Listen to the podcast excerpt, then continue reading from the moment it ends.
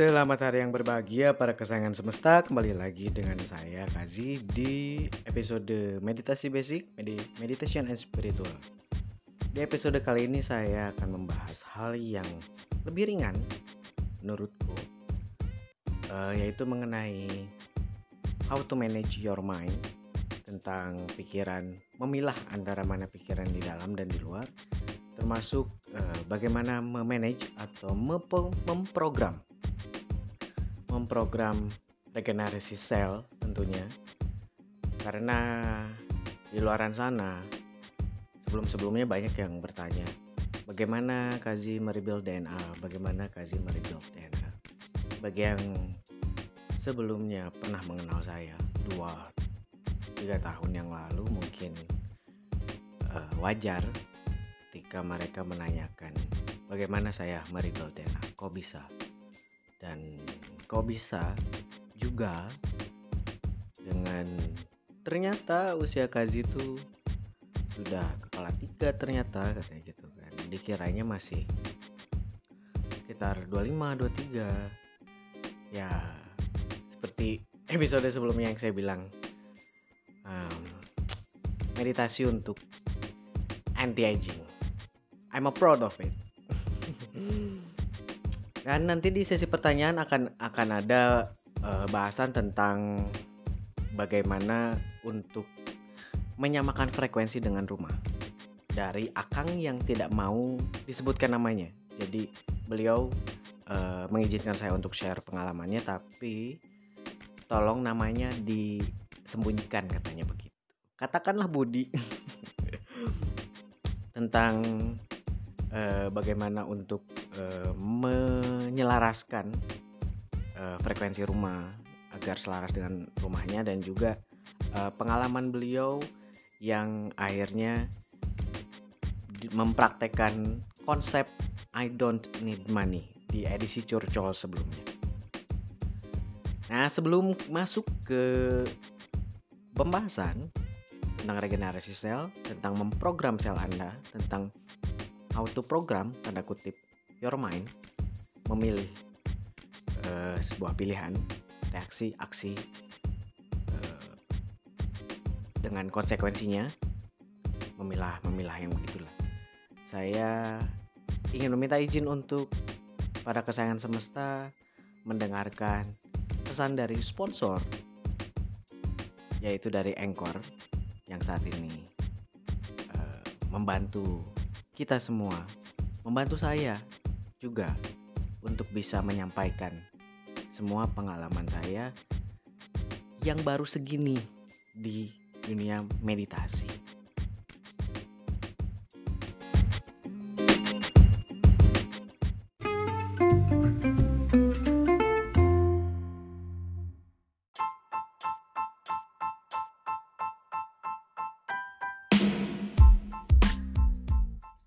Bagi para kesayangan semesta yang ingin mendalami tentang meditasi bersama kristal, kami, saya dan tim, mendedikasikan dua buah program yang bisa membantu para kesayangan semesta untuk mendapatkannya. Jadi untuk program pertama, namun ini masih basic, yaitu Crystal Self Potential Manifestation bersama saya. Jadi CSPM Basic adalah program pendampingan bagi yang ingin mengoptimalkan potensi dan pengenalan diri yang terbantukan oleh kristal yang merupakan warisan nanoteknologi leluhur dengan tujuan keselarasan semesta besar, alam, dan kecil, tubuh yang dibantu meditasi hening bersama kristal, di mana selama ini pikiran dan tubuh tidak terkoneksi secara sadar.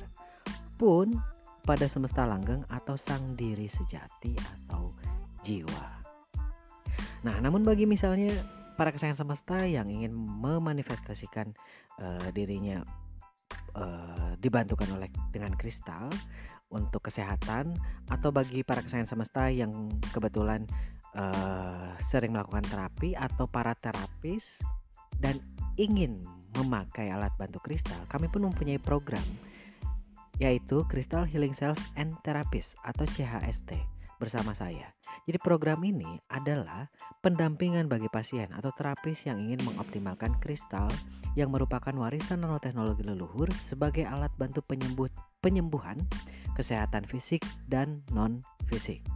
Dengan tujuan sehat dan selaras dengan semesta besar, alam, dan kecil tubuh yang dibantu meditasi hening bersama kristal. Serta saya pun akan membantu pendampingan untuk keselarasan frekuensi dan vibrasi tubuh secara optimal agar menghasilkan ketenangan luar dan dalam yang kemudian bisa berpengaruh pada pengaplikasian hidup di keseharian. Info lebih lanjut dari dua program yang kami tawarkan ini bisa langsung menghubungi PR di 087737996757 atau ke email kaziotor@gmail.com. Jadi kami akan memberikan PDF-nya yang Anda bisa baca dan pilih sesuai dengan kebutuhan Anda.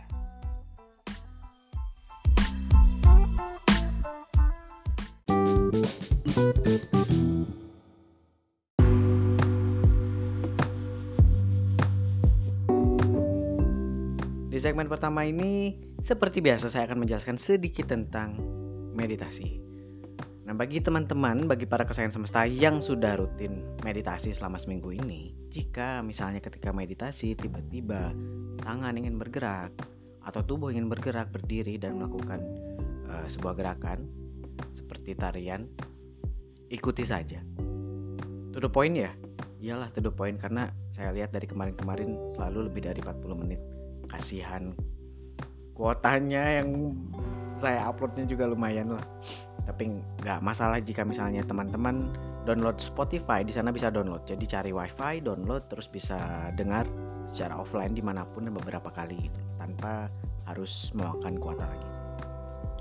Nah jika seandainya ada dari para kesayangan semesta yang kok ketika meditasi tangan saya ingin bergerak? misalnya. Atau tiba-tiba tubuh ingin berdiri terus melakukan gerakan tertentu yang Sejatinya setiap orang berbeda. Mengapa bisa seperti itu? Sebenarnya ketika meditasi, tubuh sudah mulai masuk ke gelombang tenang, gelombang teta khususnya. Uh, akhirnya aliran tubuh, aliran energi tubuh itu mulai melancarkan dirinya.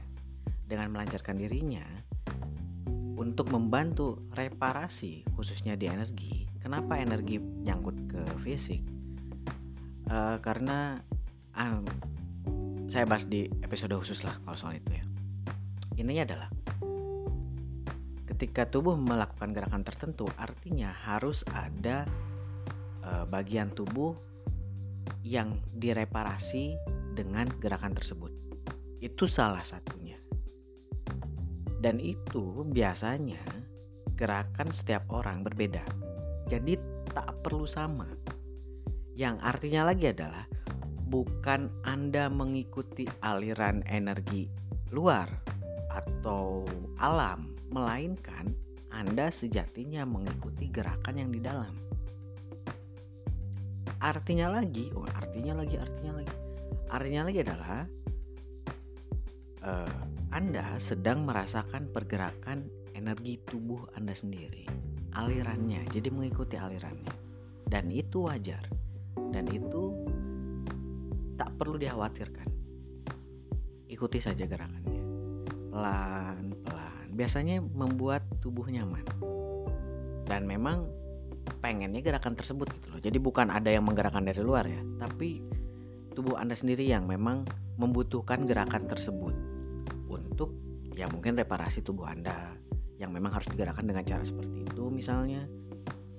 Atau karena memang dengan gerakan seperti itu itu memang sudah ada di dalam DNA Anda. Jadi memang harus seperti itu. Dan saya menamainya adalah dengan tarian DNA saya menamainya itu istilah yang saya berikan. Agar memudahkan saja. Memudahkan penamaan dan penyebutan. Dan itu sah-sah saja jika misalnya memang Anda e, melakukan gerakan tersebut, biasanya hari berikutnya pun sama atau bertambah. Misalnya ada gerakan tambahan baru, itu ikuti saja Dan saran saya adalah berada di atas tanah untuk untuk grounding, untuk berkoneksi dengan energi bumi secara langsung. Bukan artinya dengan kita tidak menginjakkan kaki bumi kita tidak berkoneksi, tidak sama sekali loh. Kita pun berkoneksi tanpa kita sadari. Hanya jika memang secara langsung agar langsung grounding ke dalam tanah, di atas tanah. Saya menyarankannya seperti itu. Untuk grounding pun nanti akan saya bahas di episode khusus tentang grounding, tentang energi, tentang frekuensi tubuh, tentang how we manage uh, frekuensi diri, mengkoneksikan dengan frekuensi alam yang garis bawahi tidak memerlukan uh, pengolahan energi. Jadi maksudnya adalah dengan har dengan mengkoneksikan tuh harus mengeluarkan energi yang besar gitu kan. Gimana caranya? Nggak perlu sama sekali. Dan sebenarnya tidak perlu. Sejujurnya nggak usah gitu gituan hanya mengandalkan energi tubuh anda di dalam. Jadi fokusnya ke dalam. Merasakan energi yang ada di dalam. Jadi membuat gerakan yang mengalun biasanya mengalun. Biasanya. Jadi kalaupun ada yang tidak tidak mengapa. Karena itu memang default DNA Anda. Jadi jangan karena kok saya beda ya? Nggak usah. Karena setiap orang itu unik. Ingat itu. Setiap orang itu unik setiap orang itu spesial. Setiap orang itu adalah 100% dirinya. Itu yang harus diingat. Jadi kalaupun berbeda tak mengapa. Artinya engkau unik. It's so simple as Oke, itu di episode saat ini. Jadi untuk ke depan saya akan menambahkan lagi tentang meditasi, meditasi, meditasi biar nggak terlalu panjang dan bertahap tentunya. Ya, kita lanjut ke segmen kedua.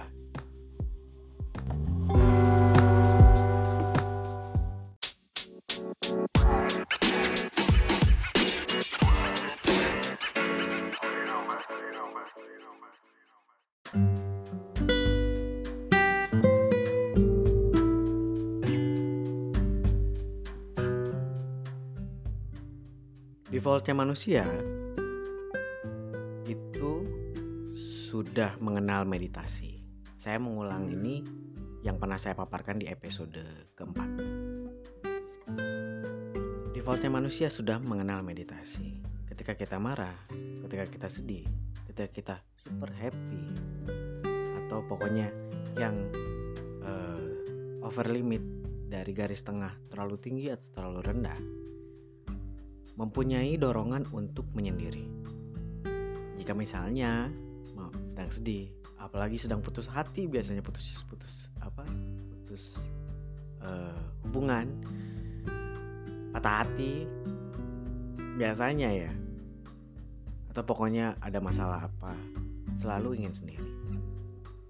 Saya pengen sendirian, misalnya gitu, diam di kamar, merenung, nangis, makin sesenggukan hanya yang jadi uh, kebanyakan orang defaultnya pengen sendiri tapi ketika sendiri dia tidak tahu harus ngapain. Apa yang harus dia olah? Dia ingin merenung ke dalam diri apa salahku? misalnya gitu. Mengapa hidup seperti ini? Kok kok hidup saya begini? Kok orang tersebut harus begitu padaku? misalnya kan gitu. mengapa permasalahanku begitu berat sebagainya dan lain-lain. Karena lingkungan, karena uh, sistem yang memang tidak memperkenalkan kita lagi dengan how to meditate, bagaimana meditasi. Akhirnya ketika menghening, misalnya sendiri di kamar kan, kebanyakan kan begitu menyendiri hanya menyendiri saja dan bingung bagaimana cara menenangkan diri. Yang ada adalah fokus terhadap masalahnya. Itu yang membedakan bagaimana meditasi hening. Ketika kita memahami meditasi, bagaimana akhirnya kita memahami apa yang harus kita lakukan pada pikiran kita. Karena yang namanya sakit, fisik tentunya, sakit fisik, terus penuaan dini gitu kan yang akhirnya karena energinya terfokus kepada masalah stres terus depresi bahkan sampai ada yang uh, mengeluarkan rasa pengen bunuh diri. Saya pun pernah saya pernah fase mau bunuh diri. Dulu sekali saya pernah mengalami fase tersebut. Karena kita tidak tahu bagaimana caranya menghening yang uh, sejatinya yang ada adalah ketika kita menyendiri, kita malah jadi terfokus kepada masalah. Itu mengapa meditasi hening basic ini memaparkan, melatih kita untuk menarik fokus. Makanya dari awal saya selalu bilang, jika misalnya ada pikiran yang muncul ketika meditasi, fokuskan lagi ke napas. Kita bernafas. Bernafas sambil mengamati. Aduh maaf ya ada ribut-ribut anak-anak kalau kedengaran maaf. Mengapa akhirnya ketika meditasi harus ditarik kembali fokus ke uh, nafas? Karena dengan begitu, pertama, selama hidup kita tidak pernah rata-rata kita tidak pernah mengamati tubuh. Kita terlalu sering mengendarainya, tapi kita tidak paham apa yang tubuh inginkan, apa yang tubuh butuhkan, apa yang jiwa kita inginkan dan butuhkan. Kita tidak kita seringnya melupakan itu. Tapi malah ke luar. Kita fokus keluar, kita fokus keluar. Itu mengapa latihan ke dalam, mengamati nafas dan mengendalikan pikiran. Dengan cara melatih meditasi basic seperti ini, akhirnya step langkah selanjutnya adalah kita bisa bashma atau dingin di tengah api. Yang pengertian lainnya adalah kita bisa meditasi 24 jam. Jadi sudah tidak sebatas ritual tapi pengaplikasiannya termasuk konsep I don't need money pun itu adalah pengaplikasian dari hasil meditasi saya selama ini yang akhirnya saya bagikan. Siapa tahu ada yang butuh, siapa tahu ada yang bisa mengaplikasikannya juga. Kan akhirnya berharap pengaplikasian kita selama meditasi itu bermanfaat bagi orang banyak. Kan begitu. Sebagai sesama manusia, sesama makhluknya kembali lagi untuk pikiran. Ketika kita akhirnya sudah bisa melatih, kita rutin tiap hari nih. Ini sudah minggu kedua nih. Minggu kedua, saya yakin pasti ada perubahan jika rutin. Perubahan secara pola pikir. Dan akhirnya ketika kita memilah mana yang baik menurut kita untuk perjalanan jiwa. Bukan untuk ego buruk ya. Dan mana yang tidak perlu atau secara skala prioritas itu tidak butuh. Mungkin bisa nanti. Pemilihannya akan sangat cepat. Jadi kita nggak lemot-lemot amat untuk berpikir. Dan akhirnya melatih intuisi. Walaupun kita misalnya tidak berpikir tidak berpikir dalam arti sepersekian detik tiba-tiba langsung pret, kita tahu apa yang harus kita lakukan. Dan ketika ingin melakukan sesuatu mau lakukan sebuah pilihan intuisi kita jalan. Itu salah satu manfaat dari meditasi. Intuisi kita akan semakin tajam untuk memilih sebuah pilihan. Nah mengenai pilihan yang saya rasakan pengalaman saya yang saya saksikan pada kehidupan saya adalah akhirnya saya pribadi bisa memilah sebuah pilihan yang kalau bisa dirunutkan mulai bisa terlihat. Jika saya misalnya misalnya nih misalnya ada dua buah pilihan dua dua buah aja A dan B. Dan kita harus memutuskan saat ini juga ketika ingin memutuskan karena intuisi kita sudah mulai kuat, otak kita langsung jalan. Jika saya memilih A, konsekuensi baik dan buruknya adalah ABCD. Contoh.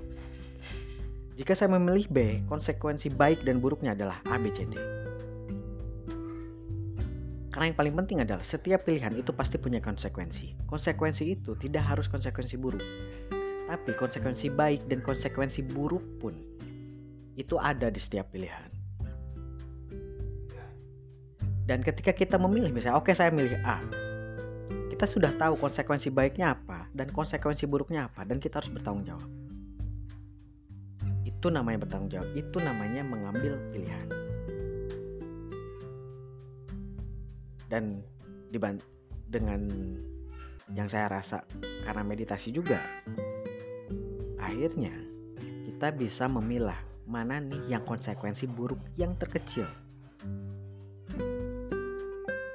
ingat loh karena setiap pilihan pasti ada konsekuensi buruk tak hanya konsekuensi baik kita harus siap keduanya hanya yang membedakan adalah porsi konsekuensi baik dan buruknya ini yang berbeda dari setiap pilihan. Mau itu pilihannya dua, pilihannya tiga, empat, atau bahkan seribu pilihan, sama, semuanya sama. Dan dengan meditasi, kok saya kayak promosi ya? Tapi memang begitu, memang itu yang saya rasakan. Karena menghening ini, akhirnya kita bisa melatih, melatih pikiran kita untuk terus berada di nol.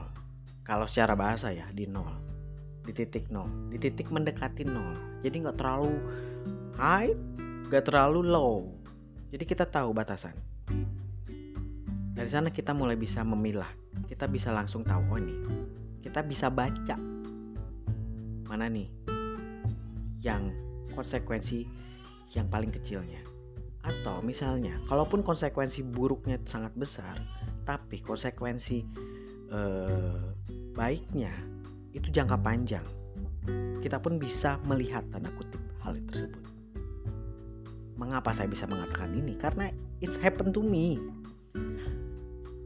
Semua episode di channel podcast ini semata tidak ada yang katanya.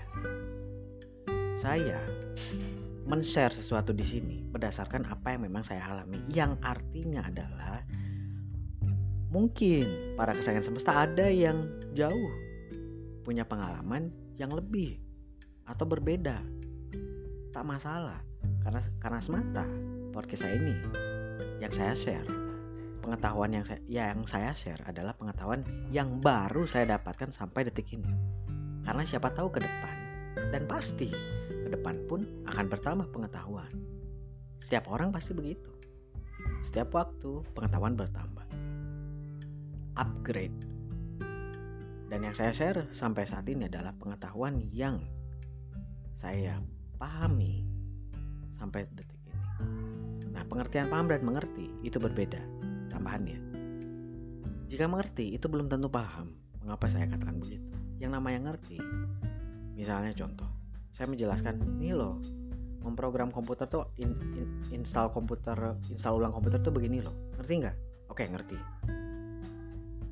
dia dia ngerti nih si A misalnya si, si A si A ngerti ketika saya jelaskan namun ketika si A langsung terjun misalnya install ulang nih lalu ada hambatan dan lain sebagainya. Ini harus gimana? Lalu dia oprek gitu kan e, mencoba-coba sampai akhirnya berhasil. Dan ketika berhasil dengan segala problem ketika install ulang misalnya tiba-tiba e, error tiba-tiba harus ribut lagi dari situ dia mulai paham how to-nya. Jadi saya harap para kesayangan semesta memahami, memahami itu, tak hanya mengerti, tapi juga do dan bisa share. Saya sebenarnya menunggu sampai detik ini siapa yang mau share tentang pengalaman meditasinya. Tapi kebanyakan yang malah japri gitu, bukan bukan bukan voice message. Saya berharap voice message yang akhirnya saya bisa share ke para pen, para kesayangan semesta dan bisa mendengarkan juga di podcast. Mungkin ada yang belum mungkin malu. sampai mana tadi? Nah, sampai pilihan konsekuensi baik dan buruk. Termasuk memilih, kita mulai bisa melatih diri untuk memilih rasa hati. Saya mempelajarinya sangat. Dulu jika ada yang misalnya membicarakan saya hal yang buruk yang tidak pernah saya lakukan saya pasti merespon dengan marah. Kalaupun tidak marah misalnya malah teman-teman saya yang kena marah kena kesal. Ngapain sih? Kan udah uh, saya nggak mungkin begini bla bla bla pokoknya marah. Seiring waktu saya mulai paham. Saya yang memilih rasa sakit hati.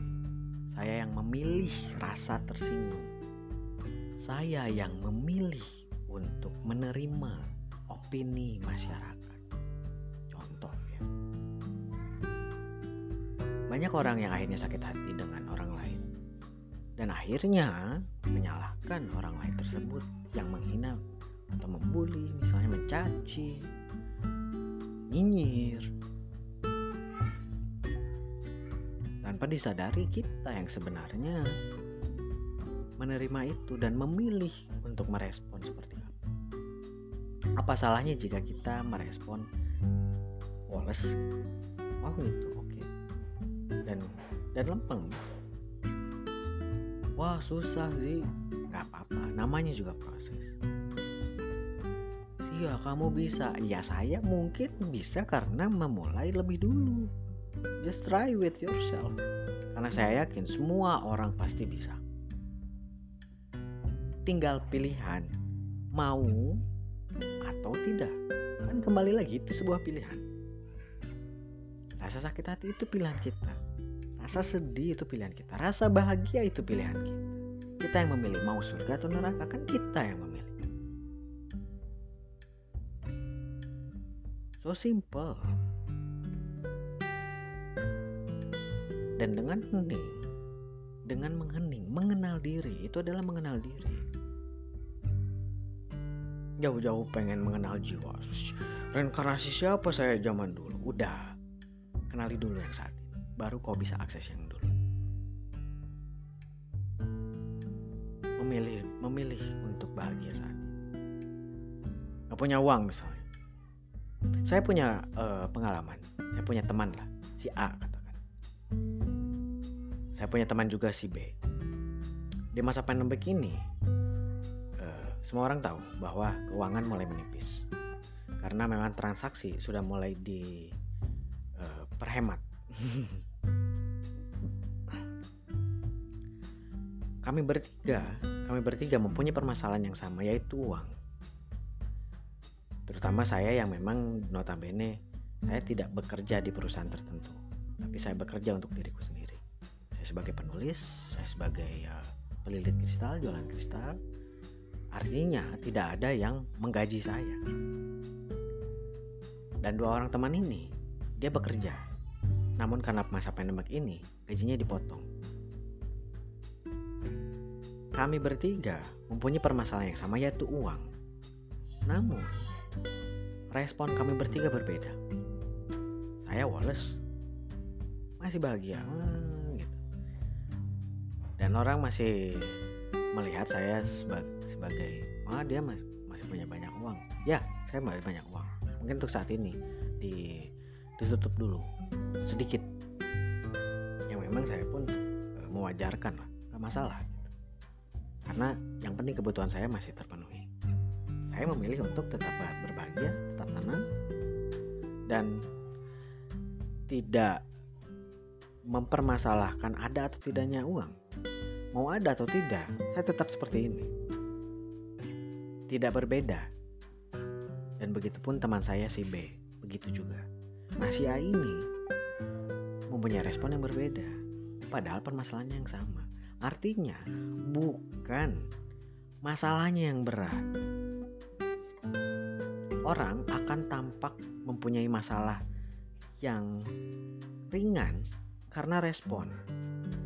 Karena respon, karena pilihan sikap. Sikap pun pilihan kita. Itu yang namanya dari awal saya mengatakan meditasi salah satunya melatih kita untuk bisa mengolah pikiran, memilih mana yang perlu dilakukan dan yang tidak. Aplikasinya adalah ke kehidupan yang saya jelaskan tadi. Begitulah. Itu dari buah pilihan. Dan setiap pilihan ingat mempunyai konsekuensi baik dan buruk. Berlanjut dari pikiran, orang pasti mengatakan, "Oh, conquer your ego." Uh, bunuh egonya, bunuh egomu. Saya dulu sekali pernah mempunyai pikiran yang sama bahwa ego itu harus dibunuh. Namun, seiring waktu, saya paham bahwa ego itu harus dikendalikan, harus dikenali, lalu diarahkan ke mana. Yang menjadi permasalahan, kenapa manusia akhirnya saling menyalahkan. Oh kamu mah ego. Jangan gitu dong. Kamu ngomong ego tuh. Tanpa diketahui, tanpa dikenal ego tuh apa. Tapi berani-berani atau dengan vulgar mengatakan bahwa kau melakukannya dengan ego. Ego dikendalikan secara simpel. Saya katakan adalah harus tahu penempatannya di mana. Saya pernah ditampar oleh Om Gede. Karena perubahan perjalanan jiwa, saya benar-benar sulit marah. Saya susah marah. Ketika mau marah, atau misalnya ada orang yang uh, nyolek-nyolek pengen saya kesal susah sekali. Terlalu lempeng kayak dewa. Kalau kalau teman saya bilang lu tuh macam dewa aja gitu kan. Diapain senyum diapain senyum. Susah marah. Dan gila gilanya tuh lempeng gitu kayak orang suci kayak resi. Saya sempat me mengalami fase itu. Dan kemudian saya mulai sadar bahwa saya hidup sebagai manusia. Ya memang dengan begitu uh, saya memang diri saya sendiri. Hanya dengan lingkungan saya pun menjadi membuat tidak nyaman. Dan saya memilih mengalah untuk menjadi ya ketika gila-gila. Dan ketika mengobrol pun saya mengatakan wah anjir wah dan lain sebagainya. It's fine. Menjadi dirimu sendiri. Jadi dengan dengan mengetahui meditasi dengan berjalan di spiritual bukan artinya engkau benar-benar seperti orang suci. Gitu. dan untuk pemilihan ego saya mulai paham ketika Om Gede bilang ibaratnya ego tuh perlu sombong tuh perlu katanya gitu kan. Wah nggak bisa om. Saya sempat tidak sepakat masa gitu dan hati kecil saya menolak itu. Sampai akhirnya Om Gede mengatakan satu contoh hal kecil. Satu contoh yang membuat saya tertampar. Dan saya membaca maknanya sangat dalam. Seandainya kamu mimpin pasukan perang jutaan pasukan. Ini kan contoh dia ngasih contoh. Lalu tiba-tiba pas mau perang kamu bilang gini oke okay, pasukan jika kita mati tak masalah. Mungkin memang tugas kita sudah selesai. Jika kita menang kita bersyukur pada semesta. Karena semesta memberikan kita hak memberikan kita pilihan untuk menang. Terus kata si Om deh kalau kayak gitu mana ada. Pasukan langsung semangat. Awalnya aja udah lembek. Yang namanya perang harus sombong. Ego harus ditempatkan di situ. Ayo maju kita pasti menang. Kalahkan musuh kita pasti menang. Itu sombong. Ego kita ditempatkan di situ. Dari sana saya mulai memahami bahwa ego itu perlu. Yang penting dikendalikan. Yang menjadi titik poinnya adalah kebanyakan kita tidak memahami di mana ego itu harus ditempatkan dan porsinya harus seperti apa. Itulah mengapa terjadinya kekacauan. Karena menempatkan ego tidak di tempatnya dan porsinya berlebihan. Dan mulai saat ini jika ada yang bilang ego itu harus dibunuh. Saya mulai berani untuk mengatakan saya tidak setuju, saya tidak sepakat. Karena yang saya tahu, yang saya pahami di kehidupan saya, di perjalanan jiwa saya, ego itu harus dikenali, berteman, dan dikendalikan.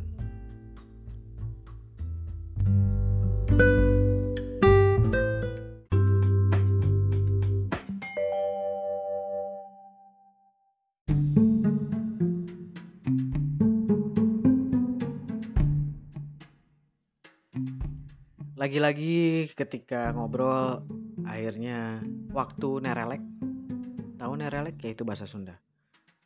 Nerelek tuh oke okay lah skip. Nggak penting. Um, saya langsung saja ke sesi pertanyaan.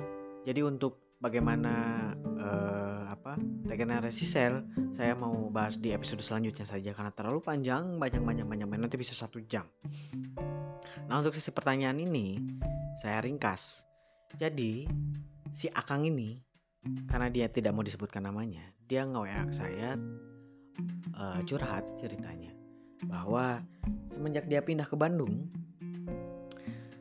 dia merasa tidak cocok dengan energi rumahnya yang menyebabkan secara rezeki, secara bisnis, beliau kan berbisnis, punya proyek lah. Secara berbisnis itu turun drastis dan beliau mencurigai bahwa kayaknya nggak cocok dengan rumah. Intuisinya mengatakan begitu dan meminta saya untuk membantu. Saya bilang, Kang, rumah itu sebenarnya tak perlu dibersihkan. Karena jika mau mengkoneksikan dengan energi, setiap daratan bumi itu mempunyai fluktuasi energi yang berbeda. Dan fluktuasi energi tersebut berkoneksi, berfluktuasi, bersinggungan dengan fluktuasi energi tubuh. Jadi ketika Akang pindah ke rumah tersebut, yang harus Akang lakukan adalah menyelaraskan fluktuasi energi tubuh Anda dengan daratan di mana rumah tersebut berdiri. Kalau mau saya jelaskan lebih detail, saya punya Om Gun namanya. Beliau ahli Feng Shui, ahli energi bumi. Beliau sangat bisa memetakan per incinya bagaimana fluktuasi daratan bumi tersebut. Tapi itu terlalu panjang kalau saya jelaskan. Singkatnya aja. Dan beliau bilang, jadi sebenarnya nggak perlu ada yang namanya bersihkan atau misalnya uh, membuat grid kristal. Ya, saya bilang grid kristal itu membantu menyelaraskan.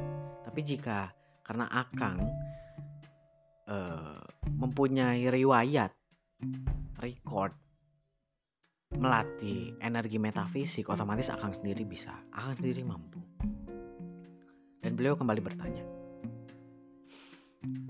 sebenarnya apakah saya harus mengeluarkan energi apa nih saya harus ngapain harus mengaktifkan energi apa gitu. Uh, jurus apa mungkin istilahnya. Saya bilang nggak perlu Kang yang namanya menyelaraskan diri dengan semesta. Kita kerucutkanlah semestanya rumah Akang. Jangan semesta bumi. Itu tidak perlu pengeluaran energi yang mengeluarkan energi tenaga dalam gitu. Lalu disebarkan. Itu namanya ada layer yang namanya blending ngeblend. Yang namanya blend. Ibarat kata kalau akang memblender nanas dan alpukat ketika di blender di blend, apakah akan bisa membedakan, memisah mana yang nanas, mana yang alpukat? Beliau jawab, enggak, ya ya paham paham katanya. Yang namanya blend itu tidak ada layer antara semesta akang, semesta diri, tubuh akang dengan sekitar. Menyatu jika Akang mengeluarkan energi tertentu dari tubuh, menyebarkannya, apakah itu ada layer, ada sekat? Ada, itu namanya bukan blending. Itu namanya bukan blend. Dari kata blend saja artinya menyatu. Artinya tak ada layer setipis apa pun. Benar-benar menyatu. Singkatnya, beliau mempraktekkan. Dan beberapa hari kemarin beliau mau WA. Kang, luar biasa, pakai R, luar biasa di WhatsApp. Saya mempraktekkan menyelaraskan diri dengan rumah, memblend, menyatukan, menyelaraskan energi saya, energi keluarga saya dengan rumah, benaran menyatu. Tanpa perlu energi berlebihan lah gitu kan. Nggak perlu pakai jurus apa gitu. Blending tuh begini dan lain sebagainya karena tiap tubuh manusia itu punya energi sendiri, fluktuasi sendiri. Tinggal bagaimana kita mengkoneksikan itu tanpa sekat dengan semesta. Dan beliau mempraktekannya. Plus, beliau mempraktekkan konsep I don't need money. Dan beliau mengatakan bahwa otak saya sudah membuka, tidak menutup, dan proyek-proyek berdatangan banyak. Saking banyaknya, beliau akhirnya bertanya, gimana caranya biar narik narik uang tanda kutip ya. Narik uang yang tahu di mana nih uangnya gitu. Dari semua proyek tersebut. Saya katakan, bacalah. Jadi, kita mulai bisa membaca tanda kutip.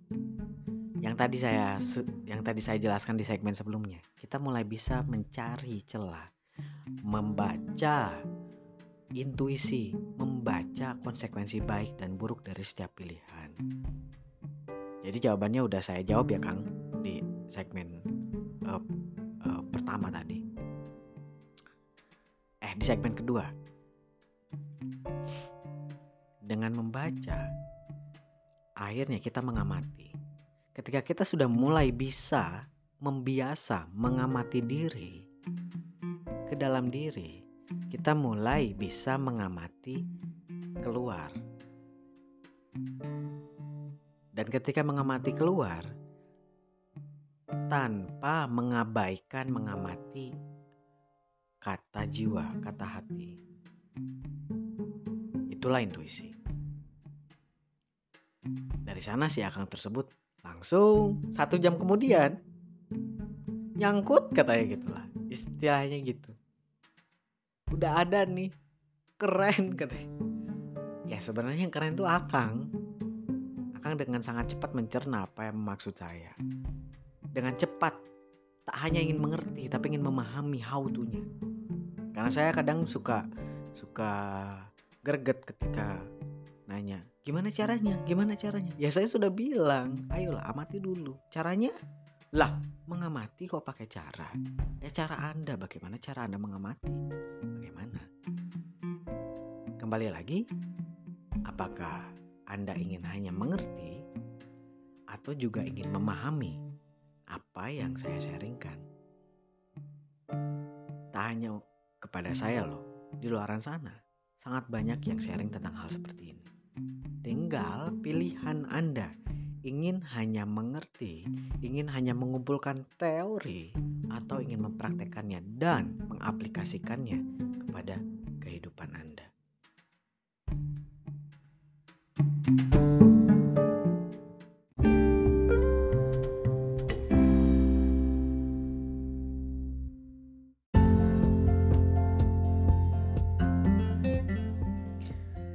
Ya, sekarang kita sudah berada di penghujung acara uh, untuk uh, bagaimana cara memprogram tubuh meregenerasi sel saya akan upload di episode berikutnya. Mungkin dua dua hari berikutnya. Ada jeda lah ya. Kenapa ada jeda? Agar sedikitnya bisa mengerti dan memahami apa yang dipaparkan di episode ini dulu baru kita next ke yang setelahnya. Saya berterima kasih banyak kepada para kesayangan semesta yang mau mendengarkan sampai akhir dan saya sangat menunggu untuk sharingnya bagaimana perjalanan Anda, bagaimana pengalaman Anda ketika meditasi dan pengaplikasiannya kepada kehidupan Anda. Saya menunggu di voice message atau masuk ke direct message uh, Instagram di @kaziautor. Jika ada yang punya nomor WA saya silahkan ke WA. Nanti saya akan coba paparkan di podcast agar lebih jelas intonasi dan lain-lainnya itu lebih lebih ngena kalau saya bilang. Dan jangan lupa untuk membeli buku saya The Gamers of Galaxian dan Just His Words. Untuk uh, trailernya ada di podcast yang lain tentang The GOG. The GOG ini akan dicetak satu minggu satu kali, jadi Anda bisa memesannya. Sekarang langsung saja memesannya ke website saya di kaziauthor.com. Di sana tinggal klik uh, buku, beli. Di sana akan ada uh, kontak adminnya dan harga untuk buku saya. Ya itu saja, terima kasih lagi, terima kasih lagi, terima kasih lagi. Selamat berbahagia kepada seluruh para kesayangan semesta. Pilihanmu untuk berbahagia, pilihanmu untuk menjadikan kehidupan ini, kelahiran ini sebagai surga. Semua sebatas pilihanmu, konsekuensi baik dan buruk. Dan untuk ego, kenali ego Anda, rangkul ego Anda. Dari situ, Anda akan berteman dengan ego dan tahu harus memainkannya di mana. Terima kasih, salam rahayu, selamat berbahagia lagi, lagi, lagi, dan lagi.